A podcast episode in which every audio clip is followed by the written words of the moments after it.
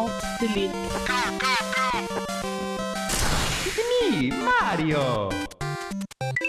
Kontroll, alt, delete.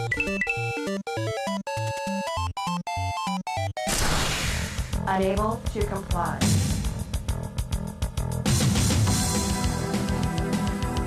Unit under attack. Auto shutdown. Sequence in progress. Ready to serve, my lord. Tid for uh, dataspill igjen. Uh, hvis noen syns at dere drar kjensel på stemmen min, så er det sikkert riktig. Jeg har nettopp sittet en time i magasinet her på Radio Revolt FM 97,9 og uttalt meg om hvilken julebrus som er den beste. Uh, og det er jeg, jeg som nå sitter ved spakene og bestemmer at uh, Dals er den suverent beste, og at det fortsatt er legitimt å spytte og slå Turi hvis dere ser henne på gata. Eh, men det er altså dataspill det er eh, snakk om. Programmet er eh, Kontroll alt delete. Og i dag så skal vi ha Ja, det kommer vi faktisk tilbake igjen. Jeg foreslår at vi må kjøre på en låt. Folk må være litt lei av å høre stemmen min nå. Dette her er uh, Clips featuring Cannon, Popular Demand.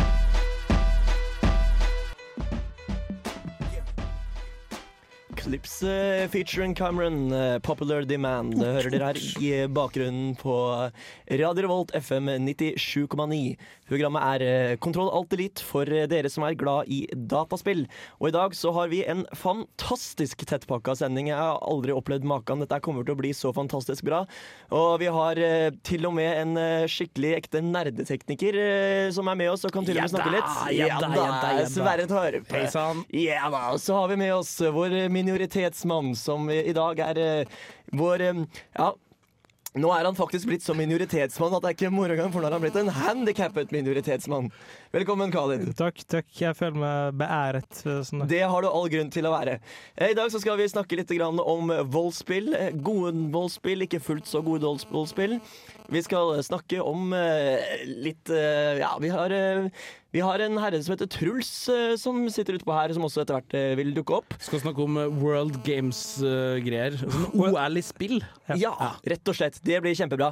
Og så har vi en kjekk ung herremann borti her som heter Hans. Si hei, Hans. Hallo, hallo. Nå har dere hørt hvem Hans er. Eh, men eh, alt dette her kommer vi snart tilbake til. Vi eh, fortsetter med litt mer musikk. The Horrors Whole New Way.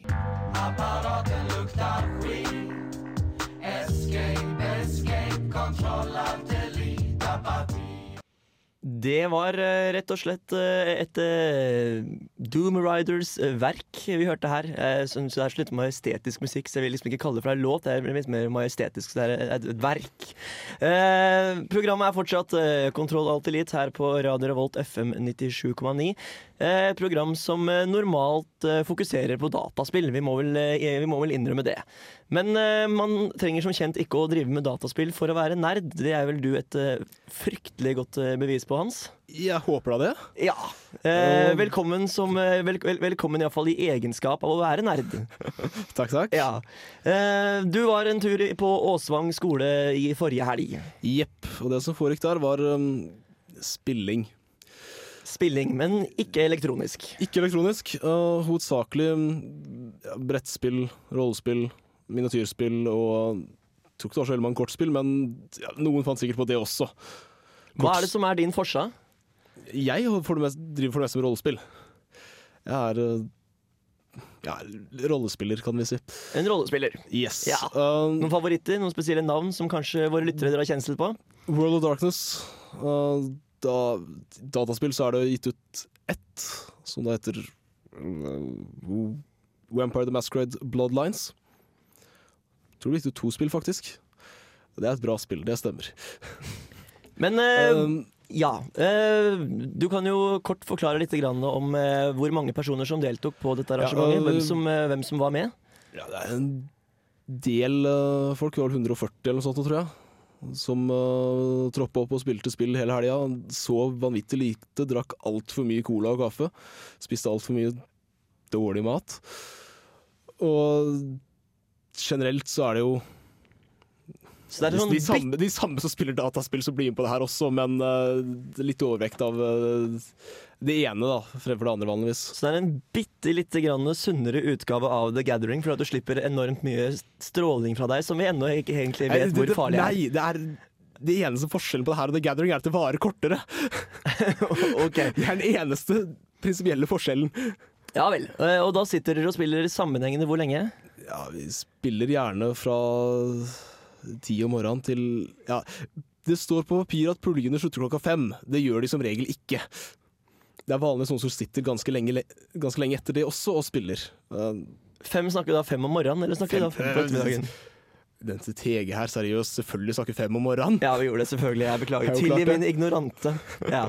Det verste av alt her er jo at det her Jeg snakka med en eldre herre som uh, faktisk driver og arrangerer den slags ting som det er her.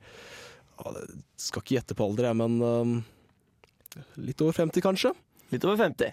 Eh, ja, hvem er det som står bak dette arrangementet? Det er uh, spillklubben her i Trondheim, Hexagon, som uh, vanligvis arrangerer noen ukentlige greier. Den spiller, ja, spiller samme type spill, men på en litt mindre skala. Men dette er ikke første gangen det har skjedd. Nei, det er uh, eldste konen i Norge, faktisk. Uh, som har holdt på i Jeg tror det her var 27. Litt usikker. Khalid, har et ord med i laget Ja, her? er, det mye cosplaying ute og gå? Altså, Er folk som kler seg ut som Gandalf og orker og goblins og så Ja. I år var temaet steampunk, og det var noen veldig gjennomførte kostymer, ja. Og de sitter og spiller med det der i 16 timer og drikker Red Bull? Eller tar de seg Nei, vi drikker battery. battery? Ok, det som er, er det en forskjell på akkurat det? Nei, egentlig ikke. Nei. Jeg må bare påpeke at det er den eneste forskjellen. Men uh, hva, slags, uh, hva slags personligheter er det som, uh, som er her? Du sa jo at det var folk som kler seg ut. Er det folk som er veldig inn i spillet, eller er det også mer, mer normale folk, holdt jeg på å si, som ikke er så hardcore, men bare dukker opp fordi det var en fin ting å gjøre i helga? Jo, det er litt begge deler. Men Så er jo som TG, du har disse ultra hardcore dataspillerne, og så har du de ikke fullt så hardcore.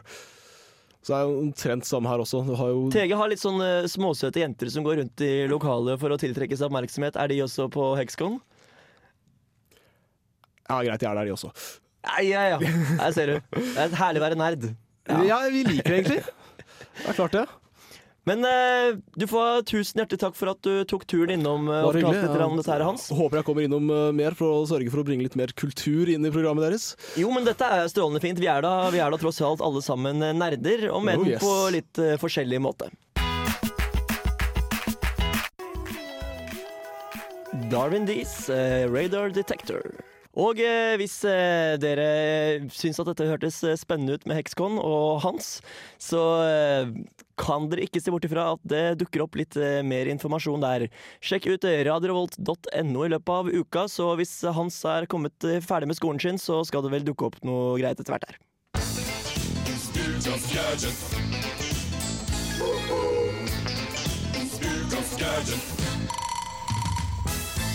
Da var det tid til å snakke om nye, spennende og morsomme ting man enten har bruk for, kan ønske seg skikkelig, ikke har bruk for i det hele tatt, eller rett og slett eh, ja, bare syns at det er eh, et eh, fengende fenomen.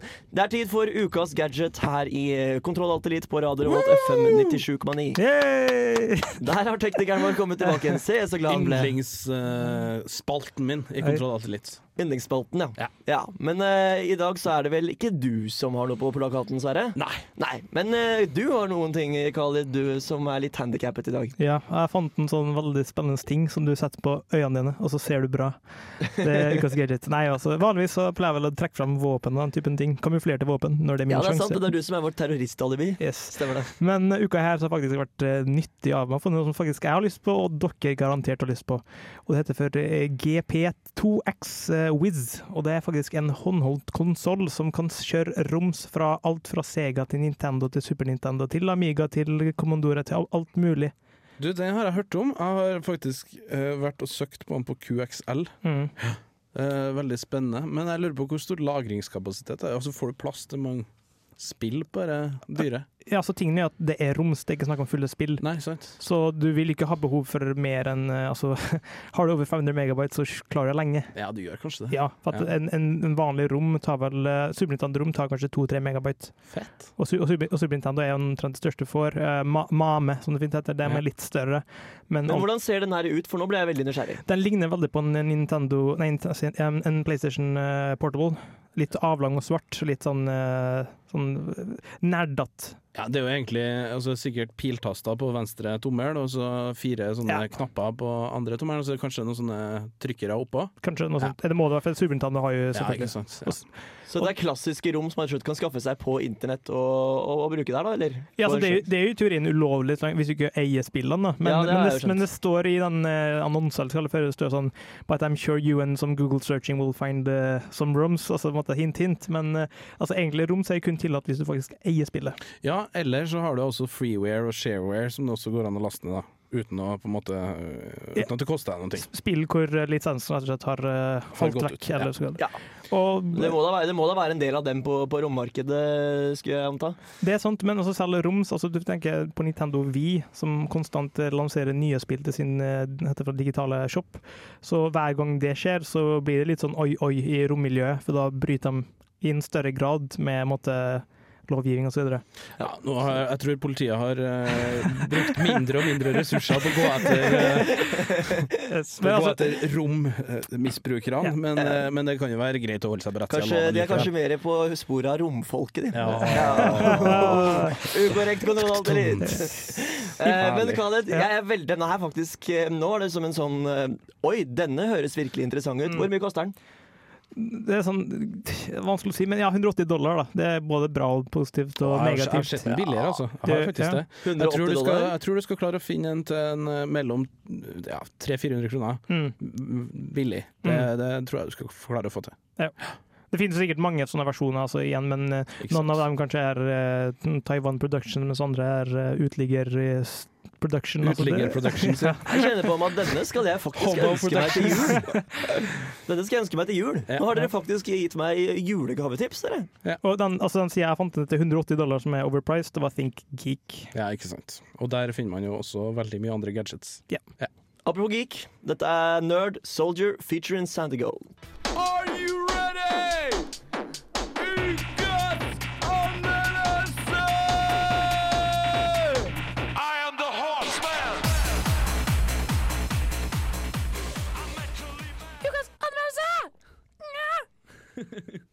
Det hersker vel liten tvil om at eh, du hører på Kontroll Alt Elite her på Radio Revolt FM 97,9.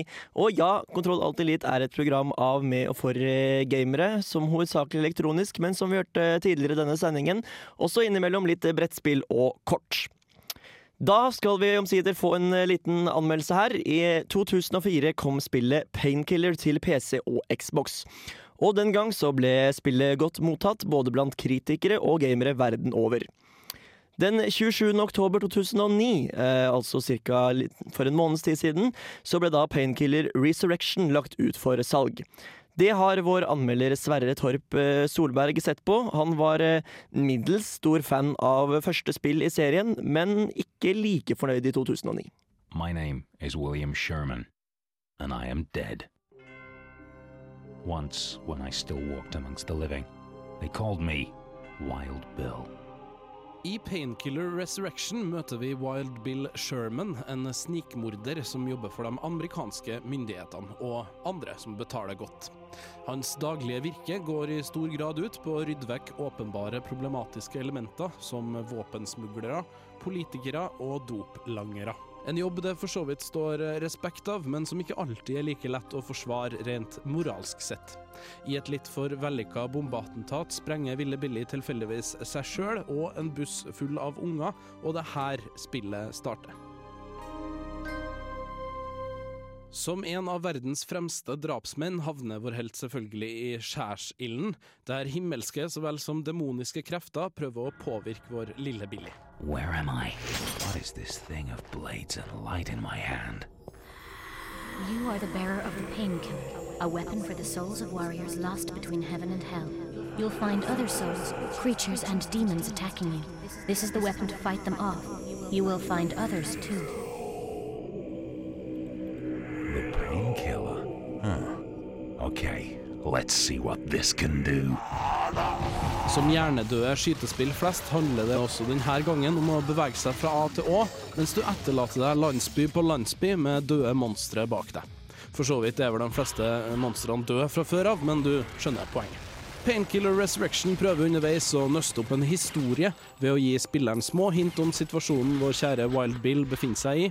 Det her skjer gjennom små enkeltsekvenser, eh, som nok er tenkt for å gi spillet et narrativ, så det ikke bare blir meningsløst blodbad hele veien. Men meningsløst blodbad blir det likevel. You destroyed the ritual of the lost souls. The over the bridge is now. Spillet byr overhodet ikke på noen utfordringer, annet enn å prøve å unngå å melde utvikler homegrown inn for Høyesterett. Hjerneløse zombier er én ting, de her monstrene eier faktisk ikke intelligens. Noe som er med på å trekke utfordringsnivået så langt ned at spillet rett og slett blir kjedelig, sjøl på vanskeligste nivå. Spillet er på ingen måte ferdigstilt. Det er flere bugs i Painkiller Resurrection enn i en gjennomsnittlig bikube, og samarbeidsmodusen er ikke-eksisterende, til tross for at utvikleren har lova bort den her til fansen i lang tid. Men bugs, ja. Det er fryktelig frustrerende når du sitter og spiller, og så plutselig så bestemmer bare spillet seg for å ja, slutte av. Nei. Nei. Og det her skjer hele tida. Hele tida. There was no bright light, no merciful God, no heaven, only incredible pain and never ending darkness. My name is William Sherman, and I am dead. Radio Revolt. Ja, det er oss. Hei, Det er godt å se at det er noen som har eh, tatt over eh, programlederstolen uten at eh, de fikk mitt eh, samstykke. Eh, det var i hvert fall eh, Vi hørte her Arms On eh, Fire. Før det så hørte vi deg, Sverre, som liker å ta ord uten at du egentlig har fått det. Ja. lage en liten sak om Painkiller Resurrection. Yes. Ja, og du, du, Skitspill. Du, du brenner etter å kunne få lov til å komme på lufta. Ja! Endelig får jeg snakke litt. Uh, Ja. ja. Nei, jeg vet ikke. For dem som hørte på, så det, altså, Hvis de, eh, noen som ikke fikk med seg anmeldelsen, så ligger den også på nettet. Gå på radiorevolt.no for å lese mer om, mer om spillet der og se litt bilder og videoer og sånn. Uh, av kanskje årets mest buggy spill.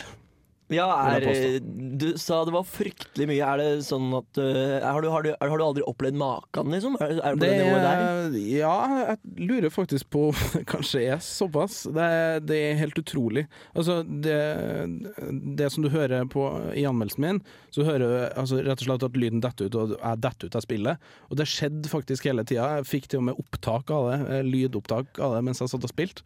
Det er, det er så frustrerende når du i tillegg også, eh, hvis du vil save, så er ca. 50% av gangene så går det, og 50% av gangene så ramler du rett og slett ut. Eh, De problemene her, har, har du måttet søke opp på forum og sånn? Altså, er det ikke PC-en din som er fra Tsjetsjenia og sånn? Nei, jeg har, jeg har jo selvfølgelig tenkt tanken da, og tenkt at jeg har fått en dårlig og prøvd å oppdatere osv., eh, men det, det, det har ingenting med det å gjøre. Nå har jeg lasta ned fra Steam, og du finner ikke Painkiller Resurrection i butikkhyllene, Mm. heldigvis. Eh, så jeg har faktisk prøvd å, å, å avinstallere det og laste ned på nytt. Og det er akkurat det samme. Så, jeg, jeg har, eh, på YouTube så ligger det massevis av videoer eh, hvor folk eh, ja, rett og slett ergrer seg over hvor elendig det spillet er. Og du har bidratt med en, du også? ja, jeg har jo måttet det nå, da. Nei, det, det er helt utrolig, altså. At det er mulig å lage et spill som er så uferdig, og så faktisk sende det ut. Jeg blir Er det i det hele tatt det, jeg, jeg må si, jeg, jeg, jeg, ser jo for meg at vi nærmer oss kanskje kjøttøksa her nå på, på sikt. Uh, er det i det hele tatt noe positivt å si om Painkiller Resurrection? Ja, altså det har jo samme elementene som det originale Painkiller har. Det er på en måte Men det er tross alt egentlig- 2004. Jo. Eh, det bør kanskje ha fått litt noe, noe nytt siden sist. Men ja, sant. Så kunne jeg i hvert fall ha oppdatert grafikken. Eh, eller, eller historien. Eh, Jeg er ikke veldig imponert. Nei, det er mye det samme som går igjen, det er bare at det er dårligere. Eh, Så det er blitt dårligere det har gått ned etter 2004. Altså blitt Ja, og dårligere. om de hadde gitt ut originale Painkiller på nytt, så hadde jeg fått en bedre karakter fra meg. Ok, eh, Nå skal det for så vidt sies at jeg er ikke veldig overrasket. Eh, det er for en, eh, senest eh, en måneds tid siden så er vi undertegnede og styret med Dreamkiller, som jeg mistenker var eh, veldig i samme gata. Det var en sånn endeløs flom av fiender som eh, ja, egentlig ikke var eh, spesielt eh, intelligente der heller. Altså, I begge tilfellene her så er det snakk om eh, Steam-spill. Og, og det er jo kanskje et tegn på, i hvert fall når det er så stor tittel som Painkiller, at det er ingen seriøse aktører som velger å måte, ta det under sin vinge.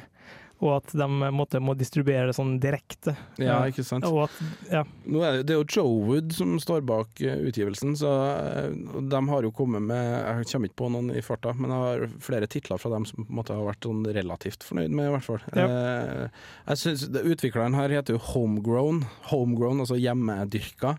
eh, og det føles hjemmedyrka, det spillet her. Det er skit. Men det har måtte, vært i sånt spill som eh, Hvis det kom for tre år siden, så, så tror jeg det hadde vært utrolig flott. Men måtte, det har vært et generasjonsskifte når det gjelder gamere. Altså, dem som spilte Painkiller, er ikke gamere lenger. De har fått seg kone og jobb. Altså, sånn, Bortsett fra meg, da, selvfølgelig. Eh, men, eh, men Nei, men det handler ikke så mye bare om For altså, Spillet i seg sjøl, det å på en måte få lov til å slakte eh, tonn på tonn med, med dumme monster som kommer springende rett imot deg, det kan jeg like, altså. Det, det er på en måte greit. Men, uh, Men er det noe, jeg husker at i gamle dager da jeg spilte For jeg elska jo Doom. Det Ja. var jo et fantastisk spill. Men da var det jo stemninga rundt det som gjorde, så, som gjorde veldig mye av spillet. Jeg husker Dreamkiller var blotta for stemning. Det var sånn Du gikk bare rundt i en verden hvor du skulle drepe ting, og det var sånn, Du så ikke helt verken mål eller mening, eller det var liksom ikke noen Ja, det var ikke noen stemning rundt det. da Nei, Eh, det- Er det i det hele tatt et snev av stemning i Painkiller? de har, det de på en måte har lagt vekt på, er eh, å lage eh, da, altså, scenery, kan jeg kalle det. Altså, at uh, skyene skal se fantastisk ut, og tordenvær og regnet ser veldig, det ser veldig pent Ja, ut. det er akkurat det samme som i Men- Dreamkiller. Det. Men det er ikke noe lyd, da. Du hører ikke at det regner. Og da er på en måte hele poenget bort. Så for meg så er dette bare skit. Kast det. Eh, Aldri finn på å laste ned, og hvis du gjør det, så gjør du ulovlig. Og ta pengene til Homegrown og stikke av med dem. Eller drukne dem i myra. Dritspill. så jeg ser egentlig for meg at uh, vi, hvis vi bruker å gi uh, karakterer, så uh, Balle blir karakteren den gangen. her. Blir balle, rett og slett. Enkelt og greit. Takk til tekniker Sverre Torp Solberg, som får munnkurv. Baroness eh, hørte vi her med låta Jake Legg. Programmet er eh, fremdeles eh, Kontroll Alt Delete på Radio Revolt FM 97,9. Og hadde det ikke vært helt fantastisk hvis man kunne konkurrere i eh, dataspill? Det har iallfall jeg drømt om som eh, gamer. Uheldigvis er jeg stuck på lesesalen på Dragvoll. Men eh, det finnes folk der ute som faktisk har vært og deltatt i dataspill i konkurranseform. Det ble avholdt nylig i Kina. Vi hadde til og med en trondhjemmer der som gjorde det ganske sterkt.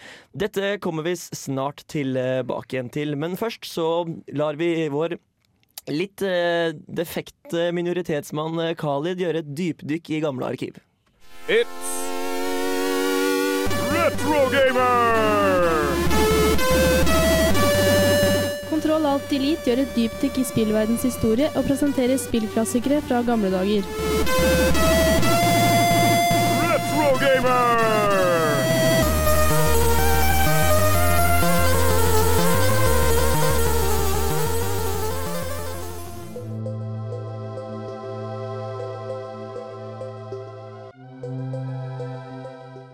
Jeg sier Donkey Kong, så tenker jeg mest sannsynlig på det her.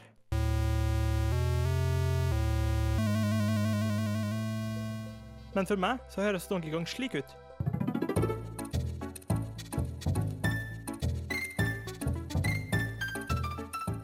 Om det var et spill som revolusjonerte Super Nintendo-konsollen, så var det Donkey Kong Country fra det britiske spillselskapet Rare. Det er samme folkene som ga oss Golden Eye 64, Banji Kazooie, Perfect Dark og Jet Force Gemini. Selskapet består rett og slett av kong Midas etterkommere.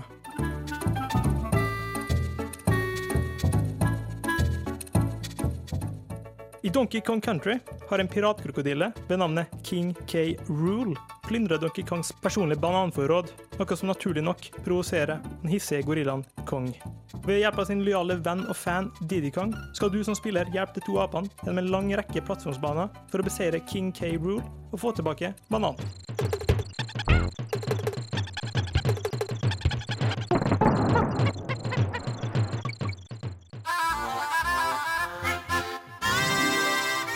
Konseptet er ganske simpelt, og historien er ikke akkurat litteraturprisverdig. Så hva er egentlig som gjør Donkey Kong Country til den klassikeren den har blitt?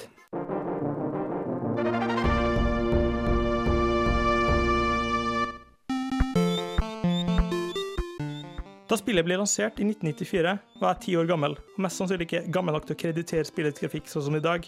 Men det var noe med spillet her som var helt ubeskrivelig. Jeg har aldri vært borti en sånn flyt i et spill før.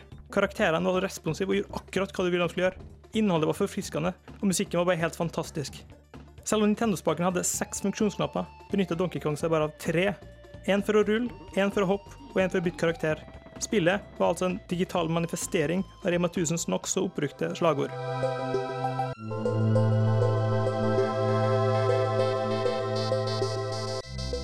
Et stort høydepunkt gjennom hele spillet var de ridbare dyrene, som både ga spilleren fartsfølelse og nye verktøy.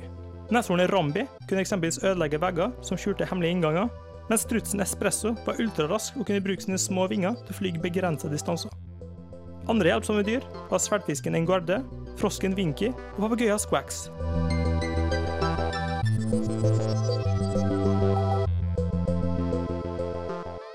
At Donkey Kong Country var et fantastisk spill, reflekteres bl.a. gjennom salgstallene på hele 9,3 millioner, som ga spillet status som det nest mest solgte spillet til Super Nintendo. Og det hele resulterte i to oppfølgere på den samme konsollen.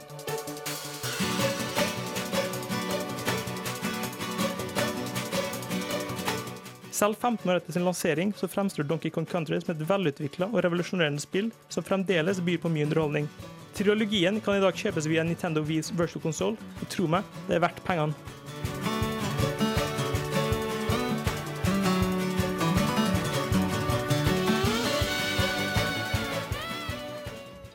Dette her var et eh, herlig godt gammelt eh, tilbakeblikk, dere som husker Donkey Kong Country. Du får eh, De La Soul La La La på Radio Revolt FM 97,9.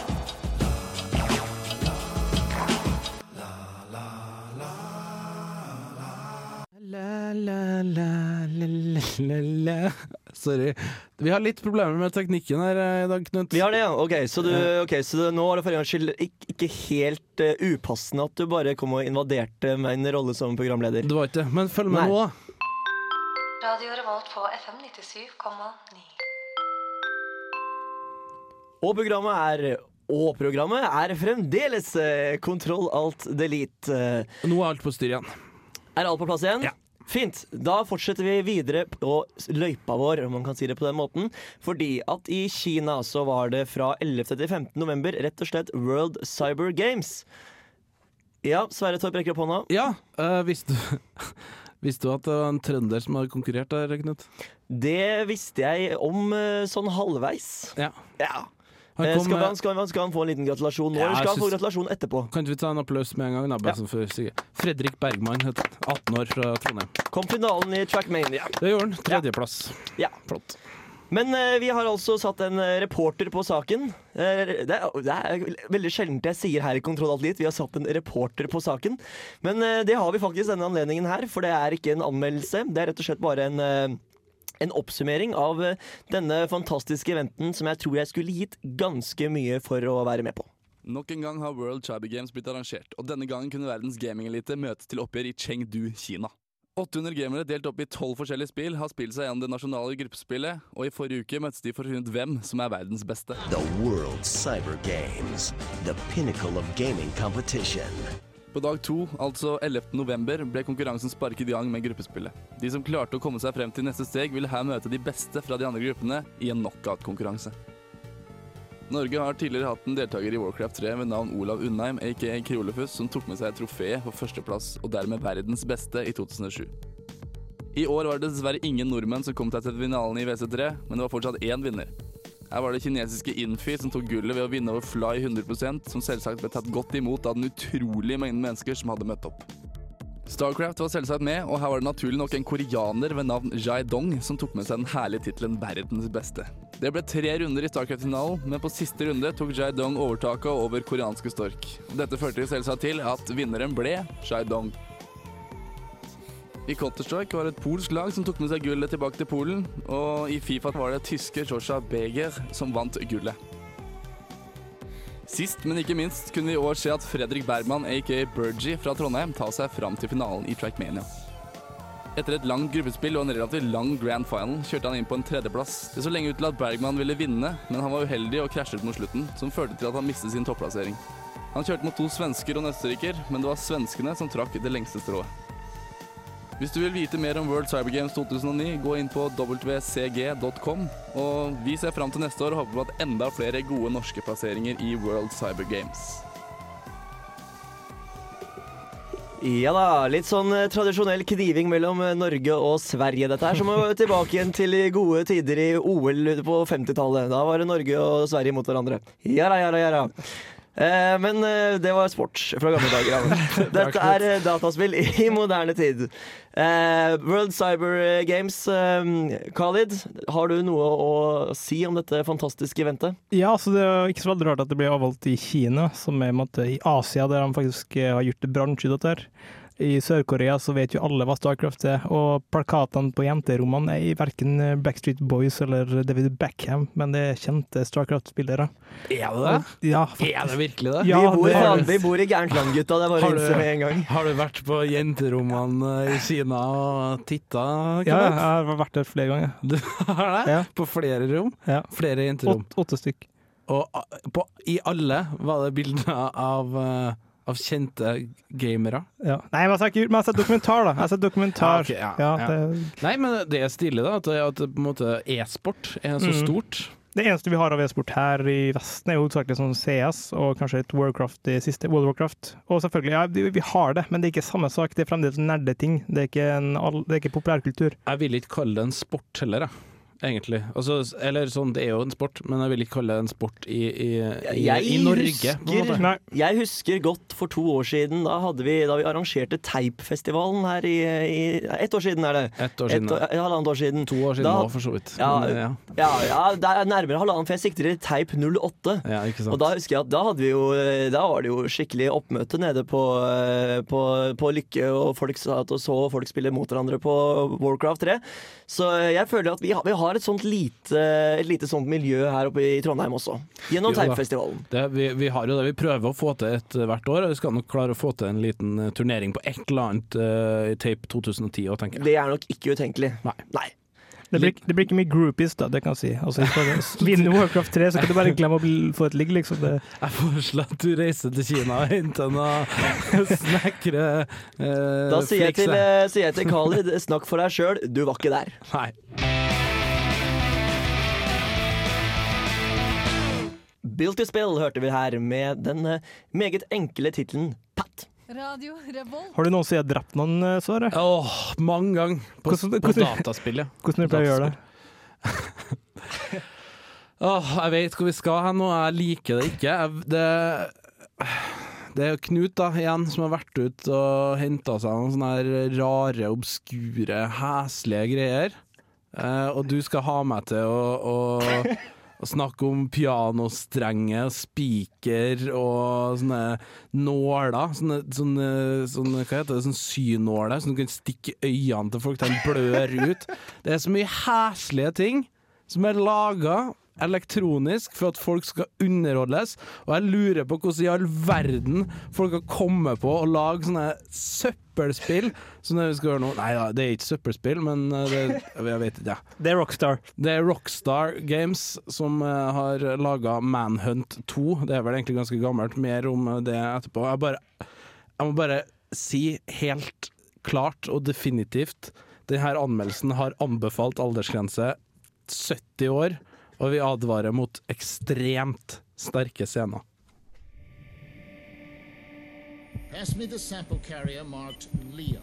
But we agreed to use the control personality, not Leo. Leo is a killer. Yes, I know what Leo was. Now, we've got one chance to make this work before they shut this project down. Okay, Dr. Pickman. He's ready to go. Er det mulig for et spill å overleve på ren voldsutøvelse? I dette tilfellet er svaret ja.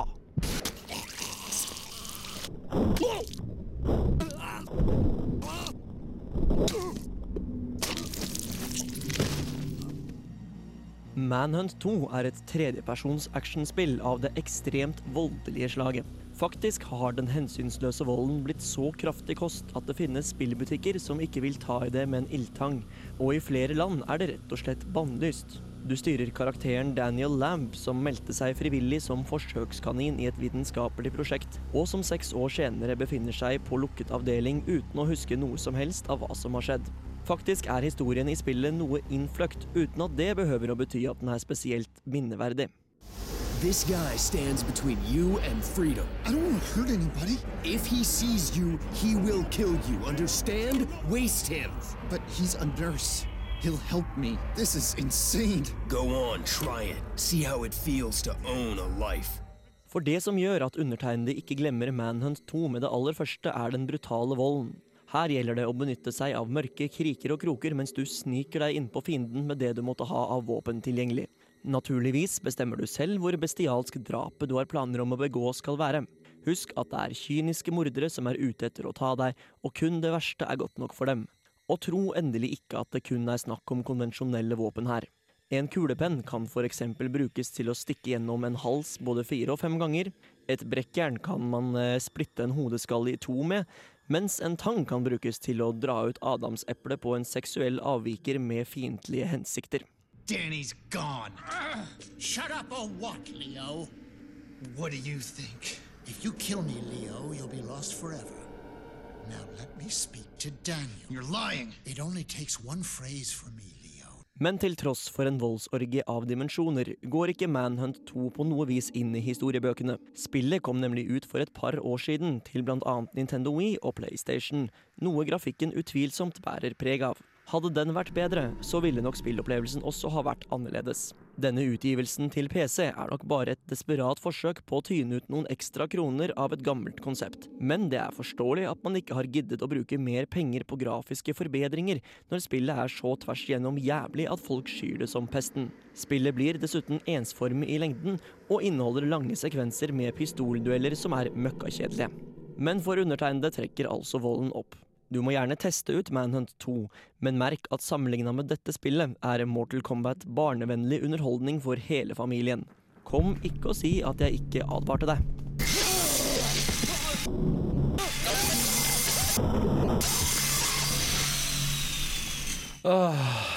Tja. Jeg, jeg, det, det blir for mye for meg, altså. Sorry, liksom. Til og med når det er lyd? Ja. Det er så sart, dessverre. Det, det er noe med på en måte uh, OK, grafikken er ikke forbedra siden PlayStation for noen år siden. Like greit, altså. jeg altså, jeg, jeg, syns at eneren var utrolig flott Ja. på grunn av den litt kornete og dårlige grafikken. For det, det gir meg sånn creepy feeling. Hvis det, Det er er, hvis, sånn, hvis det eh, er clean, clean, så er det liksom ikke så spennende. Er det litt sånn 8 millimeters snøff-filmfølelse? Ja, veldig. veldig. Altså, den, den filmen har jeg ikke giddet å sette engang. Jeg så halvtime av den, og så tenker jeg nei, det er ikke for meg. Men, men, jeg vil heller spille sånn. jeg, jeg, jeg må Hvem er publikum, lurer jeg på. Er Nei, det virkelig Knut Ørheim. Ja, fordi altså Og GTA, eller Grand Theft Auto, har jo fått veldig mye pass fordi det er så voldelig. Og du kan på en GTA er måte- koselig i forhold til det. Ja, det er altså. jo det. Ja. Jeg har sett noen trailere av Manhunt og Manhunt 2, og, og eh, vi satt og snakka om det litt i stad at du har en sånn her stemme som liksom følger deg i bakhodet, som sitter og hvisker til Come on, come on, do it. Ja, han er der ikke så veldig ofte, egentlig. Det som er, eh, han, han kommer bare sånn en gang imellom. Han gir deg først og fremst eh, en kommentar når du har drept noen. Uh, utover det så er det bare til å begynne med at han, Eller til å begynne med på enkelte av kapitlene og slike ting, at han dukker opp. Uh, så det som, men det som er den klassiske lyden, er den derre. Hjerteslag. Ja, hjerteslag. Ja. Når du sniker deg innpå en eller annen dude med da det du eventuelt har for hånda. Og det kan være Nei, eh, det har jo som sagt Det har jo vært alt fra eh, ting du finner på bakken. Kubein, eh, tang. Eh, du finner eh, en penn, du finner en sprøyte. Eh, det som også er morsomt, er at hvis de står litt sånn laglegg til for hugg, for å si det på den måten Hvis de tilfeldigvis står ved siden av et sikringsskap, fant jeg nemlig ut, så var det bare å ta og stappe huet til fyren inn i sikringsskapet, og da sier vi resten for så vidt seg sjøl. Utover det så fant jeg ut at man kunne ta brannslukningsapparat og spyle det i trynet på fyren, og deretter eh, ja, gjøre seg, gjøre seg ferdig med den. Eh, det var eh, Ja, det var Det er, det er uendelige ultravold. måter. Det er ultravold. Det er, verre enn eh, Quentin Tarantino-film, liksom. det er det verste jeg har vært borti noen gang innen dataspill når det kommer til vold. Men det som måtte legitimere den volden, er jo at du dreper jo ikke førsteklasse på en eller annen skole. Du dreper, du dreper folk som fortjener det, på et sett og vis. Ja, og alle er sammen ute etter å ta deg. Det er jo et slags, De har skapt et slags Matrix-samfunn her, eh, hvor alle er din potensielle fiende. Men det er hovedsakelig så er det eh, folk som er fysisk ute etter å ta deg, slags agenttyper. Men altså, som jeg sier, spillet har en historie, men du det er ikke historien som gjør at du sitter og spiller Manhunt, altså. Men hvis vi virkelig, altså vi skal ta denne debatten her nå, men jeg får forståelse for eh, at det spillet her faktisk blir bannlyst, da. Fordi det er så ekstremt. Ja, på én måte kan du jo godt si det, men på en annen side så tenker jeg hvor, hva er vitsen med å bannlyse det, Du, egentlig? du spiller jo en psykisk forstyrra mann som går og tar livet av folk med tapetkniv, liksom. Jo, men det er jo veldig få som Veldig få som havner inn nettopp med tanke på at, faktisk at du sjøl sier at han er psykisk forstyrra.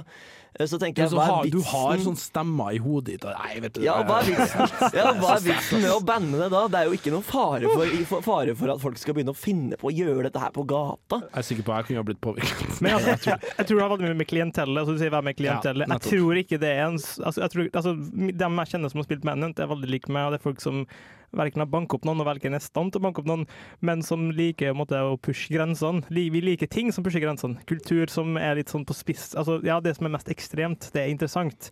Men igjen så har, på måte, kjenner jeg en fyr som på måte, har en DVD-samling som heter Faces of Death, Ja, som har sett det her, så jeg vet jo ikke helt. Eh, karakter, Knut? Ja, det får en, rett og slett en enkel og greit en uh, G minus. Eh, for spillet er egentlig ikke noe særlig, men det er uh, Men altså, volden, den er den, Jeg skal ikke si at volden må oppleves, men Den er Altså ikke, ikke bruk mye spenn på det, men eh, skulle man ved en eller annen anledning finne på å, å, å få, få det til en rimelig pris på en nice price, så en, en, en hundrings er det kanskje verdt, rett og slett bare for å oppleve å slå huet i fillebiter på en fyr med dasslokk. Det er bare besøk snuffgames.com. Ja, ikke sant. Manhunt 2 der, altså, sånn midt på treet. Vi skal få høre mer om eh, spill for blinde, av alle ting. Men først uh, The Bloody Bedroots featuring noen med låta Awesome. Du hører fremdeles på Kontroll alltid litt på Radio Revolt. Can't lie, I like to get my floss.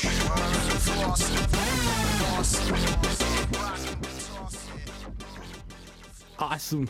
Dette er åpenbart eh, dagen for eh, kuriositeter her i eh, Kontroll Alt Delete. Program som i utgangspunktet tar for seg dataspillanmeldelser. I dag har vi vært igjennom, eh, vi har vært igjennom eh, vanlig brettspill, rollespill, som vi kanskje også skal få høre mer om senere. Og jeg har jo i løpet av denne sendinga så har jeg jo hinta forsiktig til at Khalid, som jeg normalt omtaler som vår minoritetsmann, i dag omtales som vår handikappede minoritetsmann.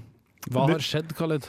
Um, Nei, det kommer vi tilbake til. Nå føler jeg at nå ødelegger du mora for lytterne våre, Sverre. Ja. Ja. Jeg er bare nysgjerrig, vet du, Knut. Ja, men det skal du få lov til, så det er ingen grunn til å holde folk på pinebenken. Nei. Hva feiler Khalid? Noe av det verste som kan skje en gamer, er å miste synets gave. Og forrige uke skulle akkurat det skje meg, i hvert fall sånn delvis. Jeg kom meg trygt gjennom freden den 13. til tross for en rekke onde varsel, men av en eller annen mystisk grunn skulle lørdag den 14. ikke være like barmhjertig. Av intensiv sjekking, killer sjarm og overdreven bruk av fremmedord, valgte den kosmiske rettferdigheten å straffe meg der jeg sto og spjåka meg til på dansegulvet. Begge mine dyrebare linser ble kommandert til å evakuere øynene mine som om det var dødsstjerna under angrep av Luke Skywalker og kompani. Det faktum at jeg er blind som ei bøtte, og at bestillingstiden på nye linser er på hele to uker, får denne guddommelige sanksjonen som tilsynelatende kun er verdt en moderat Homer Simpson, til å bli verdig å nevnes i en av Homers greske tragedier. Så hva gjør man egentlig når både spill og generell nettsurfing blir utfordrende oppgaver med smertefulle hodepiner som belønning? Svaret er enkelt. Spill for blinde. left, up, right, down. Ved hjelp av min gamle kamerat Google fant jeg fort fram til siden BSC Games, Computer Game Downloads for the Blind and Visually Impaired. Og her kunne man laste ned både demoer og fulle spilltitler, som Hunter, Bobby's Revenge og Finger Panic. Jeg valgte å se nærmere på Troopandom 2 og Sonic Match. Please select an option. Start game. Premisset i Troopanum 2 kan best beskrives som en modifisert versjon av Alien Invasion. Du styrer en kanon med piltaster, og så kommer det romskip fra høyre eller venstre som du må skyte ned før de treffer deg. Det er selvfølgelig ikke noe bilde, så du må hele tiden høre deg frem til hvor fienden kommer fra. Noe som jeg personlig aldri fikk helt teken på.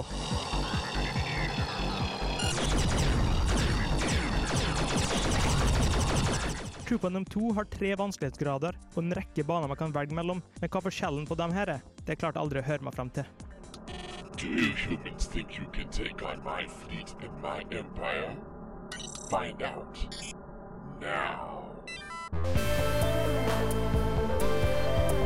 Det andre spillet jeg prøvde, het Sonic Match, og baserte seg på noe enkelt som Simon Says. Du har fire lyder, som hver er knytta til en av piltastene. Så spilles lydene tilfeldig av, og din oppgave er å trykke på den assosierte knappen. Det er relativt enkelt, men faktisk mer avhengighetsdannende enn Troopadoms mer moderne gameplay. Sonic. Please press 1 for easy, 2 for normal, or 3 for impossible. Å si noe konkret om spillene er bra eller dårlig, er veldig vanskelig, men jeg kan bekrefte at det ikke blir noe særlig underholdt. I noen av tilfellene var spillene altfor enkle, mens med andre tilfeller kun var forvirrende. Men verst av alt er spillyden, som ikke akkurat er balsam for ørene. Nine points. Det forstår at lydene må være høye og tydelige, siden det faktisk er den eneste stimulien spillet baserer seg på, men jeg er sikker på at det finnes bedre måter å gjøre det her på. Uansett stor respekt til BSC Games og Blind Software, som gjør alt det kan for å dele den nytelsen spill innebærer til grupper som den konvensjonelle bransjen har ignorert. Om du er interessert i spillene, kan du finne dem på hjemmesidene bscgames.com. Game over. Your final score is zero points. Spill for eh, blinde der, altså. Eh, Avslutninga sa vel sitt om hvor vellykket dette her var, eh, Khalid. Men umiddelbare tanke, den eh, må jeg si jeg, jeg begynner å skjønne litt grann, eh, hvor eh, de har hentet eh, Eller eh, enten så er det de som har hentet inspirasjonen sin fra idrettsspill de siste ti åra, eller så er det idrettsspill som har henta inspirasjonen sin fra dem. Eh, for musikken var i grunnen egentlig veldig sånn eh, Jeg fikk det litt var sånn gammel sånn- Amiga-følelse. Ja, altså, ja, jeg fikk sånn krysning av Amiga og Torino 2008. Det er ikke så stort kompliment, egentlig. Ikke all musikk var fra spillene, det kan jeg si. Den siste, den som var i siste par minuttene, det var faktisk en sang som en venn av meg hadde laga, så den hadde ingenting med saken å gjøre, men den passet veldig fint. Men dem som var litt mer sånn hunka, hunka, hunka, det var fra spillet. Det var de som ga meg Torino også, så da var det kvaliteten som Det var litt sånn eh, pornofilm-greier. Det var det. Ja, det var veldig porno. Kanskje prøve å på en måte kombinere to ting blinde ikke får med seg. Kanskje det. Oh. jeg syns jeg begynner å bli farlig ukorrekt borte på hjørnet her, Sverre. Men det Ja. sånn, eh, du, du, du har jo på en måte noe å sammenligne med, da. Ja. så det blir på en måte urettferdig. Mm. eh, Men tror du på en måte det her har noe Har det noe funksjon for blinde å sitte og holde med her, eller? Ja, jeg tror det. Altså, det, det har jo, altså, først og fremst, hvis man ser det sånn fysiologisk, så vil du måtte få trent opp hørselen bedre, og du vil få uh, altså, hørsel til fingerkoordinasjon, mest sannsynlig. Eh, men samtidig så vil de ha, for du har jo konkurranse, og du vil sikkert ha en form for eh, stimuli. Altså at det, du vil prøve å bli bedre og bedre, flinkere og flinkere. Og altså, jeg suger mest sannsynlig spillene her i forhold til folk som faktisk er trent eh, med ørene sine i en mye større grad. Men eh, underholder det?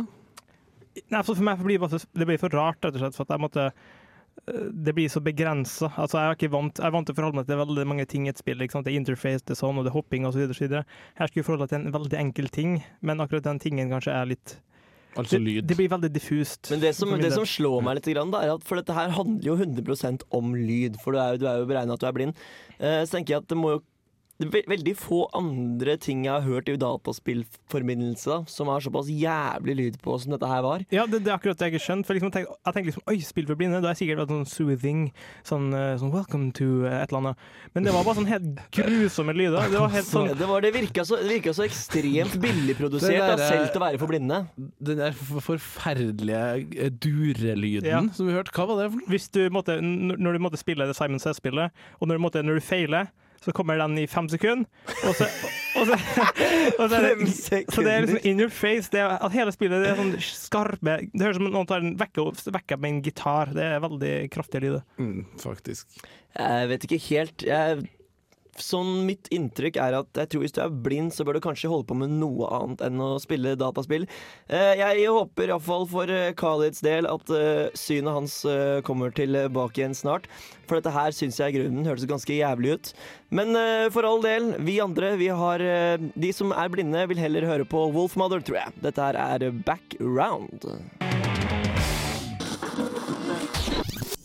Radio Revolt. Wolfmother, background på Radio Revolt, FM 97,9, Kontroll Alt Delete. Et program for deg som er eh, gamer. Eh, hvis du hvis ordet Dota eller Defense of the Ancients eh, sier deg noe som helst, så vil jeg anbefale deg å følge godt med nå.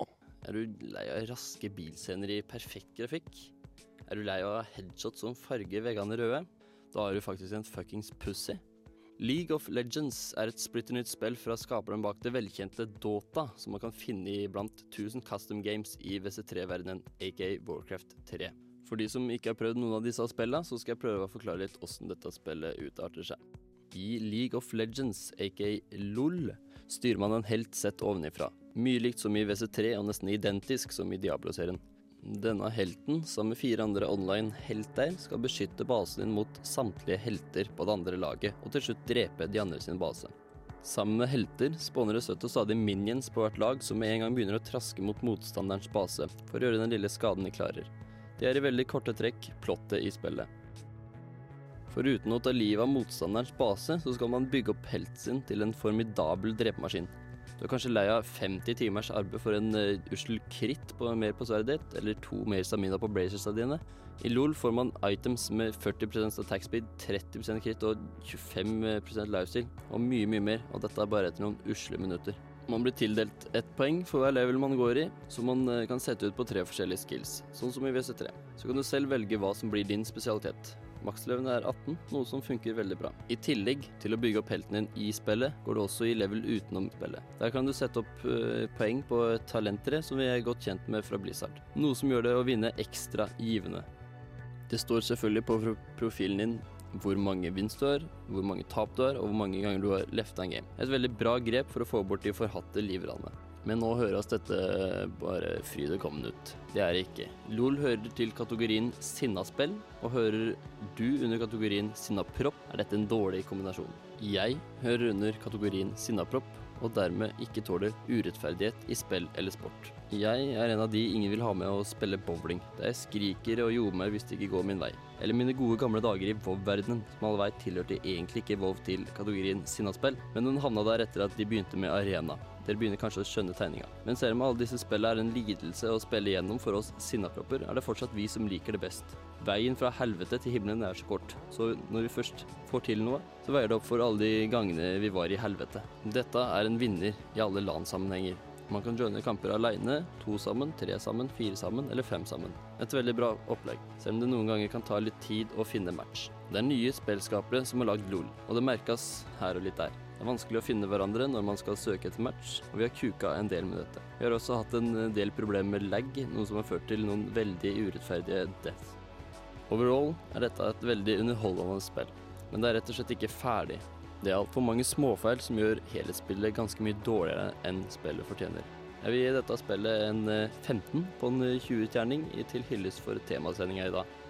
Mitt navn er Trebjørn Sandvik, stand-in for Erlend Kobro. Det syns jeg rett og slett eh, var en uh, helstøpt anmeldelse fra vår eh, gjesteanmelder Preben. Takk skal du ha for den. Som tydeligvis har uh, cockfence seg gjennom spiller. det var mye kuking, syns jeg. Ja. Men det passer seg for et spill som heter LOL. Ja. Eller League of Legends. Ja. Men jeg, jeg, lurer på om de egentlig var sånn OK, vi trenger en forkortelse som er sånn nerdakronym, og så, så bare Altså egentlig så heter det sånn Day of the Mother, men så skifta de navn til League of Legends for at det skulle bli LOL. Mm, betyr at vi ikke lenger nå kan si Betyr at vi ikke lenger kan si LOL? For hver gang du sier LOL nå, så blir det League of Legends. Så da blir det bare misforståelse. Bare si LOL, du. Det, det, det, er bare Marte som sier LOL. Det er uh, uansett, League of Legends eller Dota, da. Jeg, jeg vet ikke, hva tror dere? Jeg tror det har potensial, men jeg tror det er sånn uh, på randen til å dø ut. Ikke sånn, altså Det er nok folk som spiller det, kommer alltid til å leve videre, men det Eh, Det var kult før, men det er fremdeles litt kult, men ikke sånn at vi gidder å investere livene våre i som vi Trenger vi et nytt spill som allerede eksisterer gjennom Warcraft 3? Lurer jeg på. Det er det som er det veldig spennende spørsmålet her. Eh, til eh, Khalid så vil jeg jo si at nå har dette her pågått i ganske mange år, og det er fremdeles eh, Når du skal eh, nerde med kompiser, så blir det jo veldig fort at man drar fram igjen eh, det gode gamle Dota. Ja, men nå snakker vi ikke om nerding med kompiser, nå snakker vi om folk som har det som sin eh, helt Altså, det det er deres World of Warcraft. Folk som kommer hjem fra skolen og spiller dette her hele kvelden. Ja, dem Jeg, jeg kjenner faktisk et Ja, par av dem nå, det seg, kjøper de seg League of Legends, eller fortsetter de å spille på Warcraft 3? Uh, jeg tror faktisk det blir League of Legends. For, League of Legends, for det er oppdateringa og det er den løsrivelsen fra den motoren som kanskje er veldig befriende, og det er Ja. mye mer kontinuitet i det. Ja, nettopp. Vi, vi konkluderer med at uh, fett At det kommer, en, eh, kommer et nytt Jeg foreslår at dette er et fenomen vi kan prøve å følge litt opp og se litt nærmere på, rett og slett. Hva, hvor, hva, hva, hvordan er egentlig League of Legends? Ja, det, det er en stor grunn til det, med tanke på at det faktisk, de skal begynne å ta penger for visse deler av spillet. Så at, ja, du kan spille uten å betale, men da er jeg spillet, så du må betale for å spille det gode. Ja, så det, det er verdt å følge med på. En, eh, skal vi kanskje laste ned alle tre, så ta en liten kveld eh, en lørdag? Men da må vi kokkfense. Det må vi. Ja. Ja. For, for å få det til. Jeg er åpen for det. altså. Jeg er litt sånn skeptisk til det, men jeg vet at dere to er veldig åpne, så dere kan cockfence, så kan jeg eh, være nøytral tilskuer og komme med terningkast fra 1 til 6. Du kan ta, du kan ta bilde som jeg Har du, legger ut. har, du om, på nett. har du hørt om Postmann Pat, eh, Knut? Eh, nei, aldri. Du har du hørt om Pat, bandet Pat, da? Gamle travere som er ute med sitt syvende studiealbum. Eh, nei, ikke det heller. Nei, Den låta her er i hvert fall fra Pat, en låt som er full av fuzz, og er utrolig fengende. Bilt to spill? Ja, hvis jeg får spilt den, da. Spilt du spillen, altså. Oi, oi, oi. Her Skal vi, skal vi prøve? Jeg, jeg, jeg tror Eh, kanskje det går nå.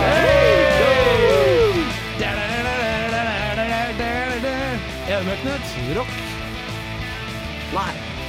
Pat. Fin låt, da. Ja, fin låt. Skal jeg begynne å synge snart, da, tror du? Det er kokkfense. Cockfence. Er du med å spille her, Khaled? Jeg spiller saksofon i bakgrunnen. Kult. Nei, kanskje vi skal la dem overta? Nei. Ikke? Nei. Syns vi kan stå her og prate skitt, jeg. Ja, vi har litt tekniske problemer på Ja. Radio Revolt i dag, men eh, det, det, det får lytterne tåle, syns Det er ikke så veldig rart, da. Du skal liksom forsøke å sitte her og slakte mine fantastiske Manhunt-spill, og samtidig sitte og styre Manhunt-spill? Ja, ja, ja. Skjerp deg, Knut. Nei. Pat. Bilt du spill? Nei. Ikke? Nei. Nå, Ok, greit, da. nå, nå skrur jeg av, Knut. Nei, Har du et da. siste ord, Khaled? Det er ufint. Det er Eh, nei. Nei. Skal vi høre låta? Nei. Ja, vi hører på den nå. Ja, skal få litt greit, mer spillmusikk etterpå. Skal også få høre litt mer om eh, New Super Mario Bros. Wii. Det gleder jeg meg til, i hvert fall. Det tror jeg blir Yay. stemmebra. Ta intro, du, Knut. Intro nå På låta. til Intro på låta? Ja. Eh, vi hører i bakgrunnen her eh, snart eh, Pat. Låta heter Pat. Eh, bandet heter eh, Built to Spill. Så eh, Sverre, du sa egentlig fullstendig feil i stad. Ja. Pat i hvert fall. Bilt Ja. du spill. Kontroll, alt, delete gir deg musikk for gamere. Initializing now. Kontroll, alt. Og det skal det fortsette med å være, i hvert fall i nærmere bestemt 20 minutter til, som vi sier på mitt eh, gode gammeldagse riksmålsspråk. Eh, på tide å mm, få tilbake vår eh, blinde minoritetsmann eh, Khalid. Velkommen. Hallo, velkommen. Ja, jeg, eller velkommen til jeg, men jeg er blind, men jeg er ikke døv, heldigvis. For da hadde jeg skutt meg sjøl for lenge, så det kan jeg si. Og jeg er midlertidig blind, så Midlertidig blind. Det er faktisk, vi har, Khalid har konkludert med at det er bedre å miste syn enn hørsel, tross alt. Nei. Men samtidig Jeg, glemmer det. Det var dårlig logikk fra min side. Det var det. Kanskje vi skal gjøre det du istedenfor kan, nemlig gi oss litt spillmusikk? Ja, det kan jeg. Ja. Altså, Megaman, alle vet Megaman, og hvis eh, ikke Mossad var etter meg, altså det er brutt ut for Control litt å lage min egen Megaman-team her på Radio Revolt, men eh, det har jeg ikke gjort ennå. Men jeg henta en sang fra Megaman som vi aldri har spilt før, og som mest sannsynlig veldig få har hørt eller kjenner igjen. Eh, ja, Sverre, du vil ha noe å si? Saksopplysning. Vet du at du kan få Megaman på iPhonen din nå? Det er dritkult! Jeg veit jeg prøvde det hos deg, og jeg vurderer å kjøpe meg Ja. iPhone 1s ærend rett og slett for å kunne spille Megaman på den. hvilket, hvilket da? Liten digresjon der, altså. Uh, to. Ja, ok, kult. I hvert fall. Jeg har, Det er, mulig det er, flere, det er jo altså. den beste Megaman Ja, det er i mine øyne, i hvert fall. Ja. Men i hvert fall, altså, Ja. den mest konvensjonelle sangen fra Megaman er Megaman eh, fra Dr. Wiley-banen i Megaman 2. Den har alle hørt. Alle har hørt introen til toeren, introen til treeren. De har hørt litt diverse sanger. Sangen her er fra Megman 3. Dr. Wiley level 4 og 5, hvis jeg ikke husker helt feil. Gruppa er amerikanske gruppa The Advantage, som i tidligere semester har hørt i en kombinasjon med en eh, prog-artist, eh, Prodisiac. Og eh, ja, det er ikke så veldig mye mer å si.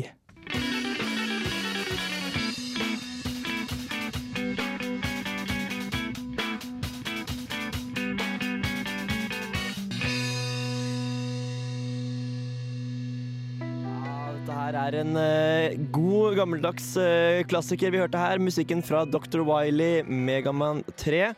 Over på litt mer eh, tradisjonell musikk, men slett ikke verst heller. 1001 Underground.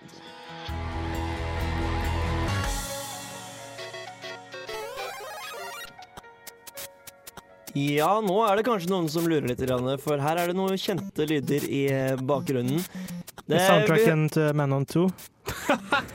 Du er morsom, du, David. Jeg. Du er Jeg kjempemorsom. har gått på skole og lært meg sånt. Det har Ja. gått fra pianostreng til å hoppe oppå hodet på folk. Det Ja, er like det er ganske brutalt det òg, for så vidt. da Hvis er hvis du, lagde, hvis du lagde Manhunt i Super Mario-format, det kunne blitt litt sånn eh, Litt fjernt, først og fremst, men uh, kunne sikkert blitt ganske mye splatt der òg. Ja, er Rørleggere har jo mye tungt uh, håndverksutstyr. Ja, det er faktisk fryktelig sant. Men eh, Sverre Torp. Ja. her eh, mistenker jeg at det er ditt verk som er ute og går. Mitt verk er ute og går. Ditt verk er ute og går. Ja. Denne musikken er det du som står bak, fordi at du har nok en gang lyst til å bryte deg inn i min eh, fine programsending og snakke om. Cockfencing. Ja, eller eller jeg har Det er kanskje litt sånn julegavetips for noen. Ja. Ja, du kan si det. I hvert fall for dem som eier Wii. Nintendo Wii, altså. Det blir jo flere og flere av dem også, i både Norges land og utover våre grenser. Eh, fordi det har jo kommet et nytt eh, Super Mario-spill i Super Mario Bros.-serien. Eh, og der har det jo egentlig vært stilt siden 2006, når eh, New Super Mario Bros. kom til DS, eller den eh, håndholdte til Nintendo. Eh, og nå har det da kommet New Super Mario Bros. til Wii. Eh, som da følger egentlig litt i, i samme fotspor som, eh, som eh, spillet til den håndholdte, men som da også åpner for flerspillermodus, så man kan være opptil fire stykker som spiller samtidig på samme skjerm. Og dette har du prøvd? Det har jeg, det har jeg prøvd masse, vet du. Prøvd masse, faktisk. Ja, kjempemorsomt. Det, Ja. Jeg kan ikke få nok av det, i hvert fall har ikke jeg fått det enda. Eh, og det, det, det, det anbefales absolutt på det varmeste. Ja, hva er eh, forskjeller og likheter mellom dette her og tidligere Super Mario? Nei, som sagt, er, eh, vi satt og snakket, han Khalid snakka litt om det her tidligere i dag også. eh, at det her er på en måte litt tilbake til den nostalgiske Super Mario Bros, sånn som Super Mario Bros skal være. Eh, 2D, plattform, eh, enkelt og greit. Eh, du har eh, Basisfunksjonen din er å hoppe, og så har du litt tilleggsutstyr som du kan plukke opp underveis. Litt sånn brannsopp, og denne gangen da en sånn isblomst. Eh, så, så tidligere har du hatt den brannsoppen hvor du kaster sånn ildkuler. Nå kan du også kaste iskuler for å fryse fiendene. Og så kan du plukke dem opp og kaste dem av gårde. Så, litt, så det er sånn en krysning av Super Mario og Megaman, altså? Nei, det er jo Super Mario Bros. Altså, Jeg forsøkte meg med en morsomhet som er kanskje ikke ja, helt god. Nei, den slår Nei, ikke an. ikke Nei, hvert fall. Eh, Så det, det, er- det er den klassiske eh, Super Mario Bros.-serien. Ja. ja, nok et spill. Nok et spill altså, så altså. allerede i Super Mario 3 var vel når vi introduserer masse nye drakter. Ja, ikke sant? Og, og det er på en måte bare å bygge videre på det. Altså, Ja. Pingvindrakt og helikopterdrakt og litt sånn og, og litt Ja. Litt nye ting. Litt nye måter. Altså det som er Super Mario for meg, i hvert fall, er jo på en måte det å utforske brettene og, og på en måte finne ut hvilke hemmeligheter som ligger skjult bak uh, sceneryet som du ser, uh, som kanskje ikke er akkurat sånn som du tror det er. Og når du, når du tror du har på en måte lurt spillet, og klart å på en måte uh, Sånn som jeg husker i Super Mario 1, vet du, så hoppa du opp i det brett nummer to, så kunne du plutselig hoppe opp over, på en måte, over spillet. Over Ja, det er TV-en. en tre rør av warp-zonen, ja. Og så plutselig så havna du bak og tenkte faen, nå har jeg jo klart å lure eh, hele spillet. Jeg har jo klart å lure meg unna på en måte hele greia. Og så viste det seg at nei da, der har de bedre laga en warp zone. Så det er ikke bare å lure spillet. De eh, har allerede lurt deg som spiller. Det syns jeg er litt morsomt. Det var litt tøft. Ja. Ja, nei, hva, hva er ditt uh, Ja, jeg har liksom ikke egentlig fått tak i ditt inntrykk. Ja. Hva, hva syns du om dette her, da? Nei, Det er fryktelig morsomt. Som sagt, du, det, du kan spille alene, eller du kan spille sammen med to, eller, eller sammen med én, to eller tre andre. Eh, altså totalt fire på Ok, okay, nå må jeg bare skyte inn lynkjapt her. Fordi Ja. jeg husker at uh, da vi satt og koste oss med Super Smash Bros. Brawl på, på Teipfestivalen for eh, to år siden, eller når den var 08, mm. så eh, husker jeg at det syntes vi var dritgøy. Og så sendte vi av gårde Marte Hedenstad til å gå og kjøpe det sammen med kjæresten sin for da det kom ut.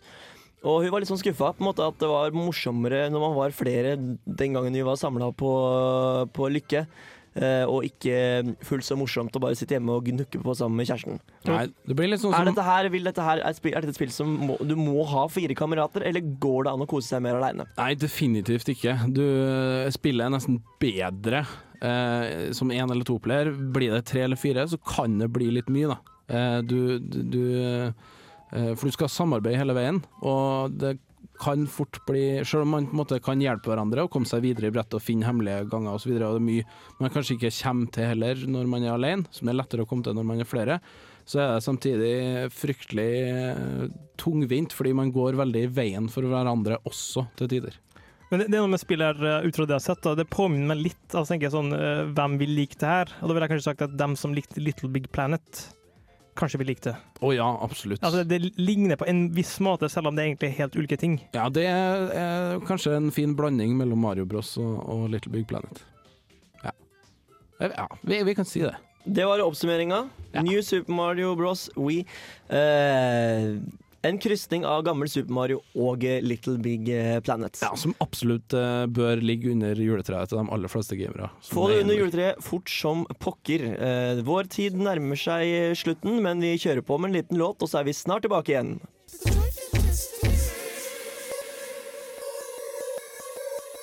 Hudson eh, Mohawk eh, er det her som er i ferd med å få det siste ordet her i Kontroll Alt Delete. Eh, det ser ut til at uh, Lovesick Teenagers gjør det. Dette er, eh, der Oh fikk vi vel i grunnen eh, symbolet på dagens sending. Litt, teknisk, eh, litt te tekniske vanskeligheter fra vårt, ting eh, vårt eh, oppsettsprogram i dag. Jeg tror det er FCC som biter seg inn pga. Manhunt 2 og prøver å ja, sensurere oss, rett og slett. Det kan være. Det er faktisk mulig. Eh, rett og slett at de har tråkka over noen grenser i Manhunt. Eller Blindeforbundet som straffes, Sverre. Jeg har en god idé. Ja, det er plausibelt, det. Jeg har en god idé. Hvis vi, Ja. hvis vi har det til lytterne våre sånn oppå den låta her, og så spiller vi bedre ta ei låt til etterpå. Ja, vi får kanskje ta gjøre det sånn. jeg altså. syns det kan være like greit, da. Mye, mye, mye tekniske problemer eh, vi har i dag. Ja, vi har Ja. gjort veldig mye morsomt i dag, Knut. Vi har det. Eh, vil få lov til å minne alle sammen om at eh, vi hadde Hans innom tidligere, helt på begynnelsen av sendingen, som hadde vært på eh, Som representerte Hexcon. En enormt eh, svær begivenhet på Åsvang skole her i Trondheim forrige helg, hvor folk med brettspill og kortspill og det som bare er utenom data, samla seg for å nerde. Og Hvis dere kjente igjen hans eh, karismatiske stemme, så er han fra Bokbaren. Så det, det var ikke et nytt ansikt, det var ikke en tilfeldig uteligger vi dro inn i studio. Nei, men han, han bærer litt preg av det. Han bærer litt preg av det. Ja. Han kunne fort vært det. Ja. Og så har vi Eh, sett på Spill for blinde, eller det vil si Khalid har sett på Spill for blinde. Eller ja, han har fått hørt på spill for Khalid er jo for øyeblikket blind. Ja, ikke sant? Ja, så, eh, Så, syns- så, så hvis dere er damer som er litt sånn halvveis stygg, så jeg måtte, nå har dere to uker på dere å prøve seg på noe. Nå kan det gå. Nå kan det gå. Fin en. Fin Mm. Det var dagens beste sjølreklame fra Khalid. Uh, vi har også eller og slett, Sverre har eh, kommet med flengende kritikk av eh, dataspillet Painkiller. Det har jeg. Søppelspill. Les anmeldelsen på radiorevolt.no. Der kan du også høre radio for så vidt 24 timer i døgnet. Hvis Det kan du gjøre. Ja. Hvilken karakter ga du spillet? Balle. Ja. Eh, Rett og slett. Enkelt og greit. Vi har også hørt Knut anmelde Manhunt 2. Et, egentlig et gammelt spill, men som nå har kommet ut til PC. Du kan vel Ja, det kan jeg jo for så vidt ta og, og, og, og føye til på, på her at dette spillet egentlig kom jo originalt i 2007. Ja, ikke sant? Eh, for da PlayStation og Nintendo Wii. Eh, så eh, det er klart, dette med grafikken, den eh, trekker jo ned. På den tiden da var den jo sikkert ganske god. Jeg tror den var Men, eh, det var, men den var vel ikke veldig imponerende da heller, for det var jo i 2007 så kommer det så vidt jeg kan huske Crisis også. Ja. Og Bioshock. Ja. Og Manhunt har et godt stykke igjen før det er der. Ja, ikke sant. Ja. Men, men fra Manhunt til World Cyber Games, som Truls Istre ga oss en liten presentasjon i. Ja, ja, det, Ja. Gratulerer til tredjeplass eh, for Trøndelag. Ja. I Ja. Eh, Fredrik Bergman. Fredrik Bergman. I Trackmania, faktisk. Formel 1-spill fra. Jeg ble slått av noen svensker og noen polske folk eller noe sånt. Ja, i hvert fall noen svensker. Sikkert noe eh, ulovlighet inn Og så må vi takke gjesteanmelderen vår, Preben, som uh, lagde en eh, flott uh, liten greie på League of Legends. Som uh, er helt ferdig ennå, men eh, det nærmer seg eh, vel eh, Kanskje blir bedre etter hvert. Vi skal se nærmere på det. Ja, og så må vi si at vi har spilt masse god musikk, og vi skal avslutte med ikke fullt så god musikk. Nei. Jo, kan vi si det? All musikk er god musikk. All musikk er god musikk. Eh, vi sier takk for oss. Jeg heter Knut, du heter Khalid, du heter Sverre og har vært en helt utmerket tekniker med tanke på de problemene vi har hatt i dag. Kontroll Alt Elite takker for seg og ønsker lykke til og ønsker på gjensyn. Ja. Kiss me.